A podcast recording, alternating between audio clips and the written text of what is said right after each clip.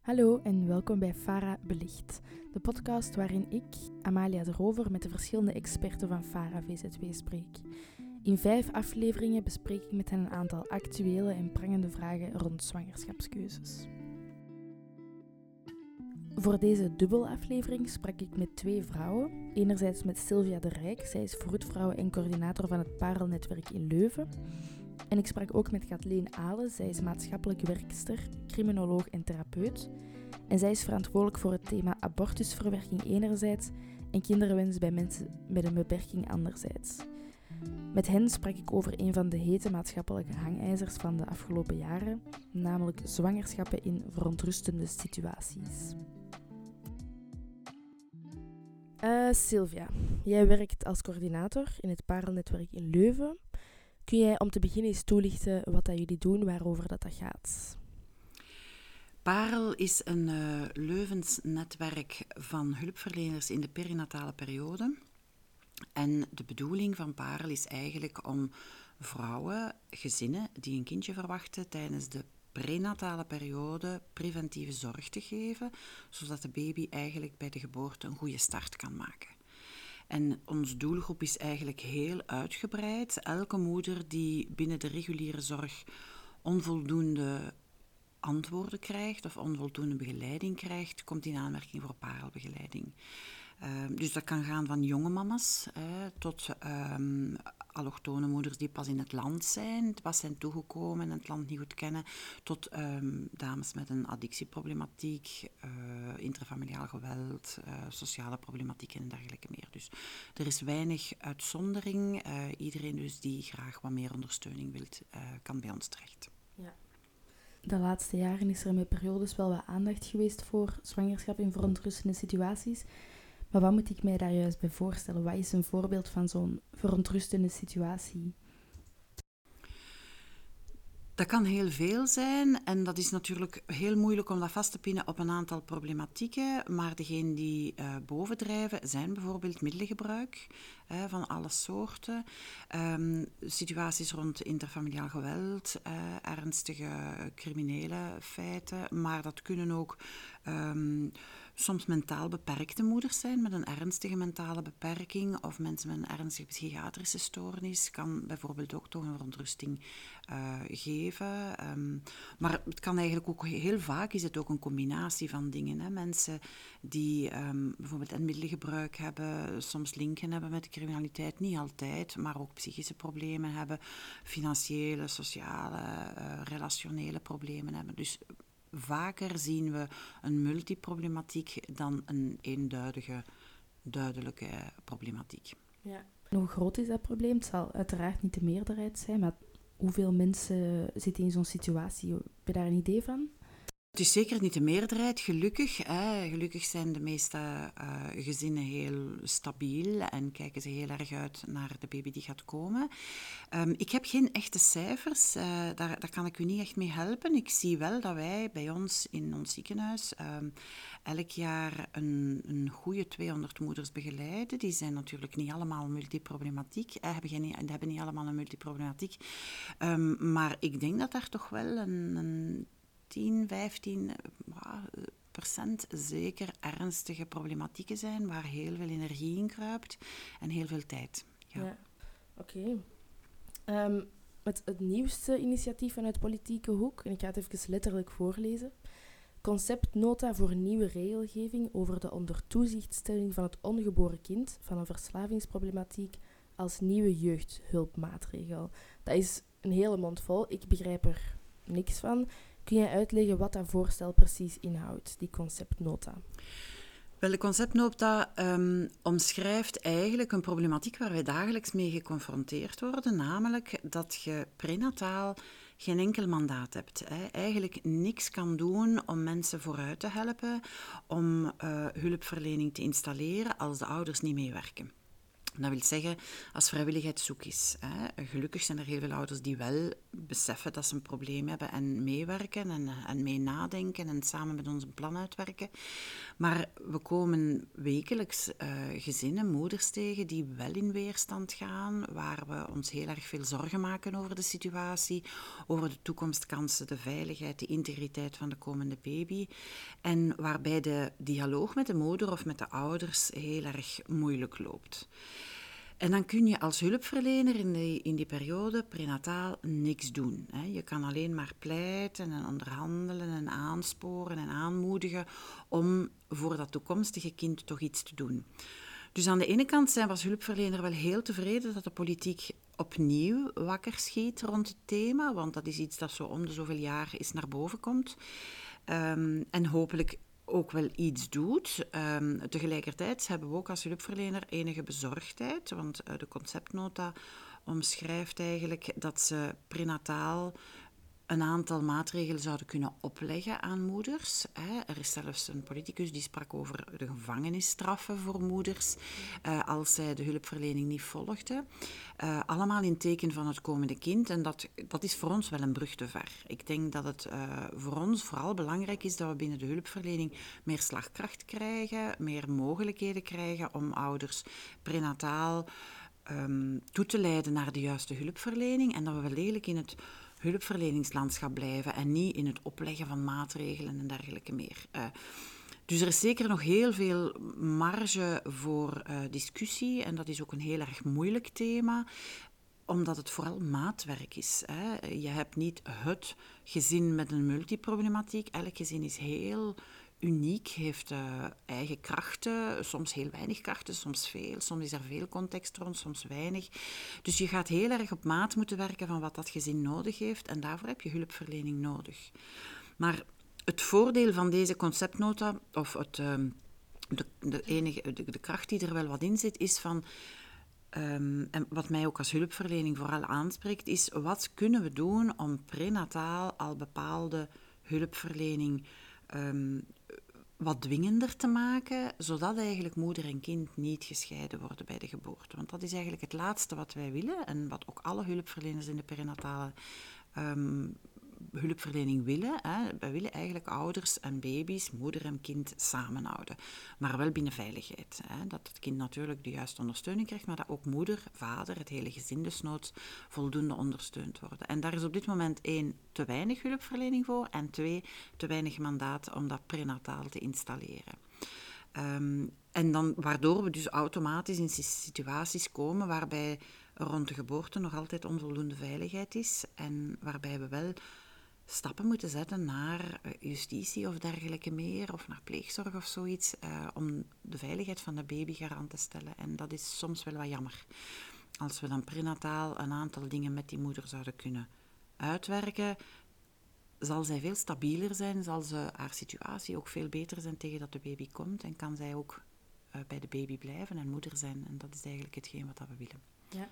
En wat zijn dan concrete middelen die prenataal of, of zaken die, hè, want je hebt het dan over middelen of mogelijkheden die jullie als hulpverlener krijgen om prenataal iets te doen of in te grijpen, zodat het na de geboorte niet tot een triestige situatie komt. Wat zijn dan concreet zo van die middelen? Dat kan van alles zijn, ook afhankelijk weer van de problematiek van de vrouw. Maar ik denk um, uit de losse pols aan um, ontwenningsprogramma's. Ik denk aan psychiatrische opnames om mensen wat stabieler te krijgen, zeker als er uh, duaaltherapie nodig is bijvoorbeeld. Um, ik denk opname in een moeder-kindeenheid, zelfs al prenataal. Um, maar dat kan ook ambulante zorg zijn, bijvoorbeeld uh, dat er een aantal uh, regels of afspraken kunnen um, afgesproken worden. Ik, ik gebruik het woordje opgelegd niet zo graag, maar dat we eigenlijk toch wel wat meer um, aanklampend kunnen werken. Um, dat moeders bijvoorbeeld in therapie gaan, uh, werken aan hun problematiek. dat ook wordt opgevolgd, dat die therapie opgevolgd wordt, dat de afspraken worden opgevolgd, dat we daar iets meer mandaat in zouden krijgen um, om moeders te stimuleren om die zorg prenataal al op te pakken en eigenlijk preventief hun situatie te verbeteren tegen dat de baby komt. Mm -hmm. Terwijl dat we dat nu eigenlijk niet hebben. We hebben nu natuurlijk wel ons gamma aan overredingskracht en, en, en, motiveren en dergelijke meer. Dat kunnen we doen, dat lukt in een aantal gevallen.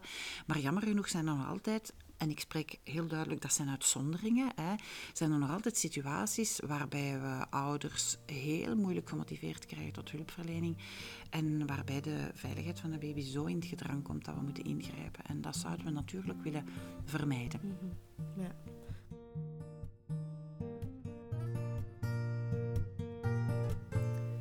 Dus ik werk als thuisbegeleider, ik doe mijn job graag, maar soms zit hij dus niet van welk hout nog bellen te maken.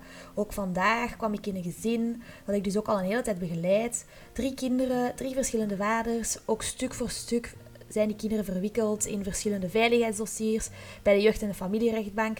En dan vandaag daarbovenop vertellen dus de mama mij dat ze dus opnieuw ongepland zwanger is.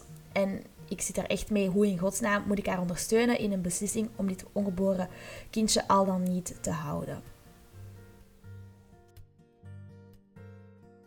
Ik herken een beetje wat die hulpverlener wel wat voelt van, god, wat moet ik nu doen? Dit is eigenlijk geen goed idee, maar hoe, hoe ga ik mij hier profileren? Hoe ga ik, welk standpunt ga ik innemen naar die vrouw? En dan ben je natuurlijk wel wat gebonden. Hè? Wij kunnen niet zeggen, en dat kind kan niet komen, je moet een onderbreking doen.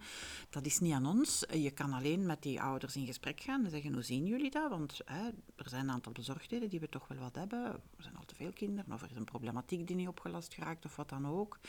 Hoe zien jullie dat? En staan jullie open voor ondersteuning indien jullie uh, dit kindje, voor dit kindje kiezen? Um, en hopen dat je op die manier toch een weg kunt gaan met die ouders. Hè? Maar ik denk dat het een beetje ver zou gaan als wij zouden gaan beslissen dat mensen een abortus zouden moeten laten doen. Bijvoorbeeld, ik denk dat we dan wel een, uh, een grens te ver gaan. Um, naar anticonceptie vind ik wel dat wij een verantwoordelijkheid hebben. En dat is ook iets dat wij heel ernstig nemen. Na, na een bevalling praten wij met al onze moeders over anticonceptie.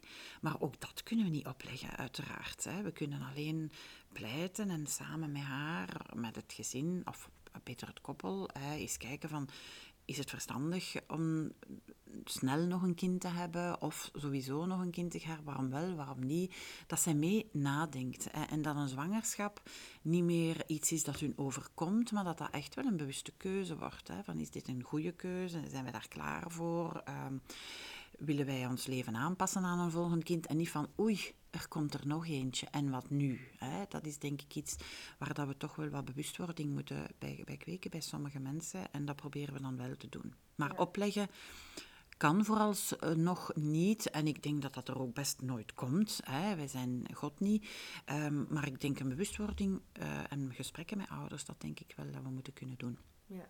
En hoe verlopen die gesprekken? Ik kan me voorstellen dat dat voor sommige moeders pijnlijk is of, of dat dat confronterend kan zijn om eigenlijk een negatief advies te krijgen voor een tweede of derde kind.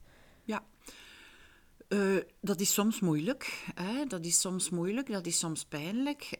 Um, je komt ook in de hele intieme sfeer van mensen. Hè? Want kinderwens en, en, en planning, familieplanning, is toch wel iets wat tot onze intieme sfeer behoort. En dan komt er daar zo iemand zich eens moeien. Hè? Dus voor een aantal moeders kan je daar heel goed over praten. Hè? En luisteren die ook wel naar onze bezorgdheden, kunnen ze dat ook wel volgen. Um, een aantal moeders um, hebben het daar moeilijk mee. Hè? Maar we proberen daar heel eerlijk in te zijn. En als bijvoorbeeld een, een vrouw, een jonge vrouw zwanger is en wij denken van, oh nee, dit is eigenlijk echt geen goed idee, dan proberen we daar eerlijk in te zijn. Te zeggen van, kijk, er zijn veel dingen waar we ons zorgen over maken, maar de zwangerschap duurt nog lang. Hè. Wij zien dat je daar heel erg voor gaat en je wilt dat kindje ook heel graag. Dan ga je op een of andere manier samen met ons een, een plan kunnen uitwerken van hoe dat het goed loopt voor u en ook goed loopt voor de baby. Want ik denk in alle moeilijke situaties um, blijft die baby wel de grootste gemene deler. Hè? Zowel wij als de ouders willen het beste voor dit kind. Soms is de weg er naartoe een beetje anders voor hen als voor ons. Maar het einddoel wil iedereen. Ik ben nog, nog geen enkele moeder tegengekomen die gezegd heeft: Ik ga dit kind nu eens echt uh, slecht behandelen. Nee, zij willen het beste voor hun kind en zij willen het groot geluk voor hun kind. De weg er naartoe is soms wel moeilijker in onze ogen dan voor een doorsneemoeder. En daar proberen we dan een zekere bewustwording ook van te krijgen, eh, bij te krijgen. En meestal lukt dat wel. Hè. Um, ik denk ook dat je als hulpverlening of hulpverlener niet moet de vriend zijn van mensen. Je moet aan hun kant zijn. Je moet het vanuit hun kant proberen te bekijken. Maar je moet wel hulpverlener eh, zijn. En um, we hebben allemaal de neiging om um, aanvaard te worden en, en de, de goede te zijn. Soms moet je durven confronterende gesprekken te geven. En dat ook uitspreken. Hè. Zeggen wat ik nu ga zeggen is moeilijk, maar laat ons daar eens even over horen. Ik wil ook horen of dat, of dat u dat verdrietig maakt of boos maakt. Geef een plaats aan emoties die bij mensen zijn. Aanvaard ook dat er emoties zijn. Ehm, we, zeggen soms ook wel moeilijke dingen. Hè. En dan denk je dat moeders daar ook moeten kunnen op reageren. En dat we als hulpverlening ook moeten kunnen toelaten dat mensen reageren op wat we zeggen of wat we doen. Ja, oké. Super, dankjewel voor... Uh ons weer wat wijzer te maken over dit onderwerp. Merci.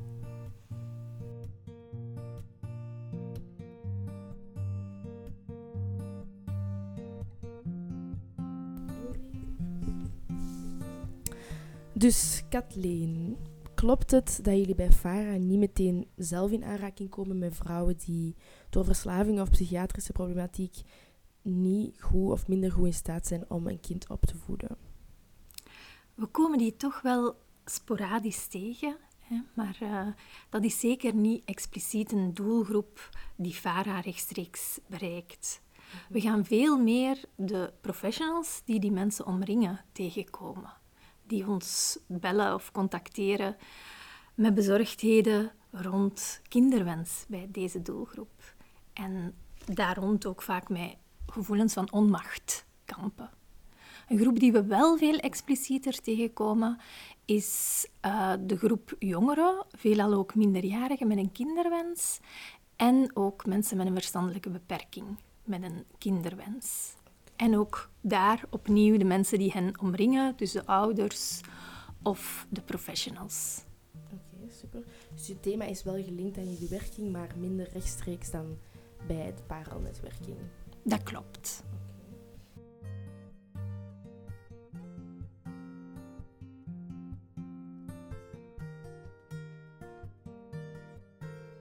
Ik werk als contextbegeleider bij mensen met een motorische beperking en comorbiditeit. Deze mensen worden op veel vlakken geconfronteerd met hun beperking en met vooroordelen.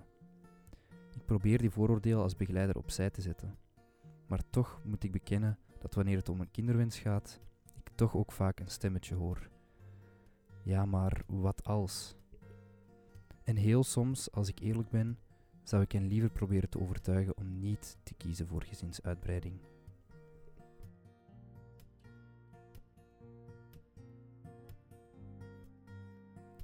Is dat een citaat dat voor jou herkenbaar is? Hè? Dat stemmetje van ik raad het eigenlijk liever af. Hoe gaan jullie daarmee om als hulpverleners bij FARA? Ik herken dat stemmetje heel erg. Hè. Ik heb dat stemmetje soms zelf. Hè. Ehm, ik denk dat dat een stemmetje is dat klinkt omdat het gewoon normaal is en heel menselijk dat je dat af en toe hoort weer klinken. Ehm, en dat dat vooral ook ingegeven is doordat je inzit met de mensen waarmee je werkt. Ehm, niet alleen om het toekomstige kind eventueel te beschermen, maar ook om de cliënt of patiënt waarmee dat je werkt ehm, te willen beschermen tegen bijvoorbeeld de hoge verwachtingen rond wat het ouderschap zou kunnen inhouden. Hè, vanuit een ideaalbeeld en dat het nogal rozewolkachtig is. Of omdat ehm, de betrokkenen um, een heel beperkt netwerk heeft, of, of quasi geen, waardoor dat er toch wel vragen reizen rond, gaat hij dat alleen aankunnen? Um, en mogelijk zou dat kunnen leiden tot worst case scenario, een gedwongen pleegplaatsing van dat kindje, als, dat als de veiligheid in het gedrang komt. En daar ook wil je je mensen tegen beschermen, tegen het verdriet en gemis van mama of papa te moeten worden op afstand. Dus al die vragen zijn normaal. Ja. Bij VARA gaan we nooit expliciet een kinderwens ontraden, maar ook niet promoten. Hè. We gaan altijd in gesprek omdat we ervan uitgaan, net zoals dat stemmetje er bij ons mag zijn, mag de wens er bij de mensen zelf ook zijn. Ook dat is een heel menselijk verlangen om, om erbij te horen, om van betekenis te zijn. Ehm, dus ook dat mag er zijn en mag serieus genomen worden. En we gaan daarover in gesprek. Want het is pas als je de betekenis van de wens achterhaalt, dat je ook mogelijk kan gaan praten over uitstel of afstel van die kinderwens. En op welke manier gaan jullie nog om met kinderwensen die misschien niet zo evident zijn of die, die eigenlijk helemaal niet vanzelfsprekend zijn? Hoe, hoe, gaan jullie daarmee om bij Varen? Wij um, komen dat min of meer tegen um, bij de ontleding van onze Real Care Baby. Dat is een soort van oefenbaby uh, die we inzetten vanuit de idee van ervaringsgericht leren, omdat de mensen dan echt gaan zorgen voor een baby de klok rond hè, en aan de lijve gaan ervaren van wat betekent dat dan precies. En dan um, hoor je die mensen ook wel dingen zeggen als, goh, je neemt het er niet zomaar bij. Hè. Um, je, ik, we merken dat, dat ze dan aangeven, ik heb plots geen tijd meer voor mijn huishouden of om mijn lief uh, tijd door te brengen. Um, dus dat gaat dan wel wat vragen doen reizen rond de haalbaarheid of wenselijkheid van die kinderwens. En we gaan altijd zoveel als mogelijk een realistisch beeld meegeven. Uh, en dat is een methodiek die we daartoe inzetten om uh, dat mee te geven. Ja. En die Real Care Baby, aan wat voor soort mensen of in welke situaties wordt die aangeboden? We, we, we ontlenen de baby voornamelijk aan jongeren en mensen met een verstandelijke beperking. Je kan dat altijd gekaderd zien in een traject van begeleiding. Dus heel vrijblijvend zijn ook ouders of begeleiders mee welkom hè, uh, om dat traject van ontleding van die baby um, en die ervaring mee te gaan begeleiden. Um, dus dat staat niet op zich. Hè. Um, en we geven daarbij ook handvaten mee rond hoe verder uh, die kinderwens bespreekbaar maken. Mm -hmm. We bieden vanuit VARA trouwens ook intervisie en vorming daar rond aan. Hè, rond hoe maak je zo'n kinderwens bespreekbaar zonder ook dromen radicaal te hoeven doorprikken. Hè? Want ook daar denk ik dat het onze verantwoordelijkheid is om te gaan zoeken samen met professionals. Hoe komen zij over hun handelingsverlegenheid heen? Hoe um, maak je je bezorgdheden bespreekbaar? En hoe neem je tegelijkertijd ook um, de mens die voor je zit serieus? En hoe kan je ook tegelijkertijd ook nog authentiek zeggen van... Goh, als mama aan liefde en uh, aandacht zou je kindje niet tekort komen. Maar wat heeft een kindje nog nodig volgens jou? Wat betekent het om een goede mama te zijn of, of goed genoeg? Hè? Die zaken in uh, gesprek brengen. Dus daar rond concrete handvaten meegeven. En tegelijk ook, en dat is misschien iets dat we vanuit VARA zeker zo belangrijk uh, vinden, de vraag durven stellen, wat doet het met u? Hè? Um, want ik denk dat we met iets heel existentieel uh, bezig zijn als kinderwens dat dat ons ook zelf raakt. Hè. Mij raakt dat ook nog elke dag, als mens, als vrouw, als, als mama ook. Uh, dus daarvoor ruimte creëren, um, om het daar ook eens over te mogen hebben, blijkt heel erg deugddoend. Ja. En die hulpverleners, um, die bijvoorbeeld dat stemmetje hebben of die zitten met... Kan ik, wat kan ik doen in die situatie? Kunnen jullie iets betekenen voor hulpverleners die uh, te maken krijgen met zwangerschappen in verontrustende situaties? Zeker en vast. Wij zeggen heel vaak, we zijn maar een belletje veraf. Hè? Dus we willen daarmee zeggen, onze deur staat letterlijk, maar ook figuurlijk, of tegenwoordig ons scherm, staat open. Um, ik zeg ook altijd, met twee kom je verder dan alleen. Hè? Dus dan gaan we samen eens bekijken in de betrokken casus. Want opnieuw, het gaat altijd over maatwerk hè, en afstemmen met de mensen die je voor je hebt. Wat heb je al geprobeerd? Want heel vaak is er al heel veel moois en goeds geprobeerd en dat bekrachtigen we dan ook. En wat kan je mogelijk nog proberen hè, om een stapje verder te komen in je begeleiding? Ehm, en tegelijkertijd ook de vraag uh, te stellen tot waar reikt onze verantwoordelijkheid? Ik denk dat we heel erg mee verantwoordelijk zijn om het proces mee te gaan met mensen, maar dat het uiteindelijke keuze wel aan hen blijft. Ik noem ons graag ruimtemakers, hè? omdat we echt wel in de toekomst bij FARA dat stuk ook wel uh, willen gaan uitbreiden en versterken om ruimte te maken of een veilig kader te creëren dat hulpverleners onderling, in een intervisievorm, het daar meer nog over mogen en kunnen hebben. Want ik weet uit ervaring hoe deugddoend het kan zijn als ik zo eens een moment heb van... Amai, hè? want we komen elke dag van die emotioneel beladen thema's tegen, vragen op leven en dood. Hè? Ehm, oh, wat een job hebben wij toch? Hè? Dan vind ik het heel fijn dat ik gelukkig in een warm team zit en collega's hebben die zeggen, kom eens even binnen. Hè. Um, zet u en, en vertel eens, wat doet dat met u? Hè?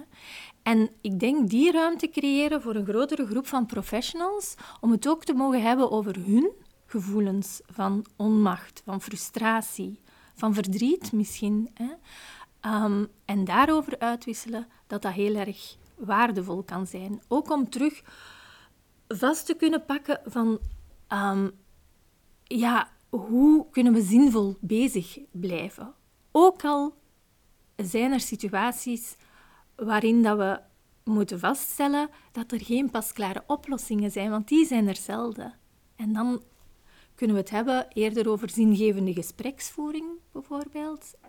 Um, omdat er heel vaak geen uh, oplossingen zijn, of er valt niks meer te controleren, of er valt niks meer te redden. En wij als hulpverlener willen heel vaak mensen redden. Um, maar toch, binnen de gegeven context, wat dat je maar kan of mag doen, is te gaan kijken, waar doe ik het voor? En wat is alsnog wel mogelijk, of hoe had ik het willen doen? En ook misschien terugvoeling krijgen met wat wij bij FARA soms noemen onze koesterverhalen. Wij hebben een beetje de gewoonte ontwikkeld om die ervaringen die maken dat we toch het gevoel hebben, daar hebben we een verschil gemaakt door feedback van de mensen zelf of door collega's, of, die, om die koesterverhalen ook te delen met elkaar. En dat maakt dat je terug wat meer in balans gaat staan. En ik noem dat ja, de kracht van kwetsbaarheid meer gaan inzetten. Um, om uiteindelijk tot de conclusie toch nog te kunnen komen van ja, wat een geweldige job hebben wij eigenlijk. Toch? Dus eigenlijk de zorg voor hulpverleners, die kunnen jullie ook aanbieden? Absoluut. Ik noem dat ook wel een beetje practice what you preach. Wij doen dat zo graag en dikwijls goed voor, voor onze medemensen. Maar ook daar, als je ja, spreekt van hart tot hart, dan met elkaar ook durven te doen. Um, en, en de vragen durven te stellen van wat zijn jouw successen en waar liep je tegenaan? Ja. En dat delen en daarin ook handvaten geven rond hoe kan je hier weer krachtig mee omgaan. Hè? Hoe kan je hier woorden voor vinden, maar ook hoe kan je er de volgende dag opnieuw staan en zinvol bezig zijn. Oké, heel fijn. Dankjewel voor uh, deze uitleg. Dankjewel.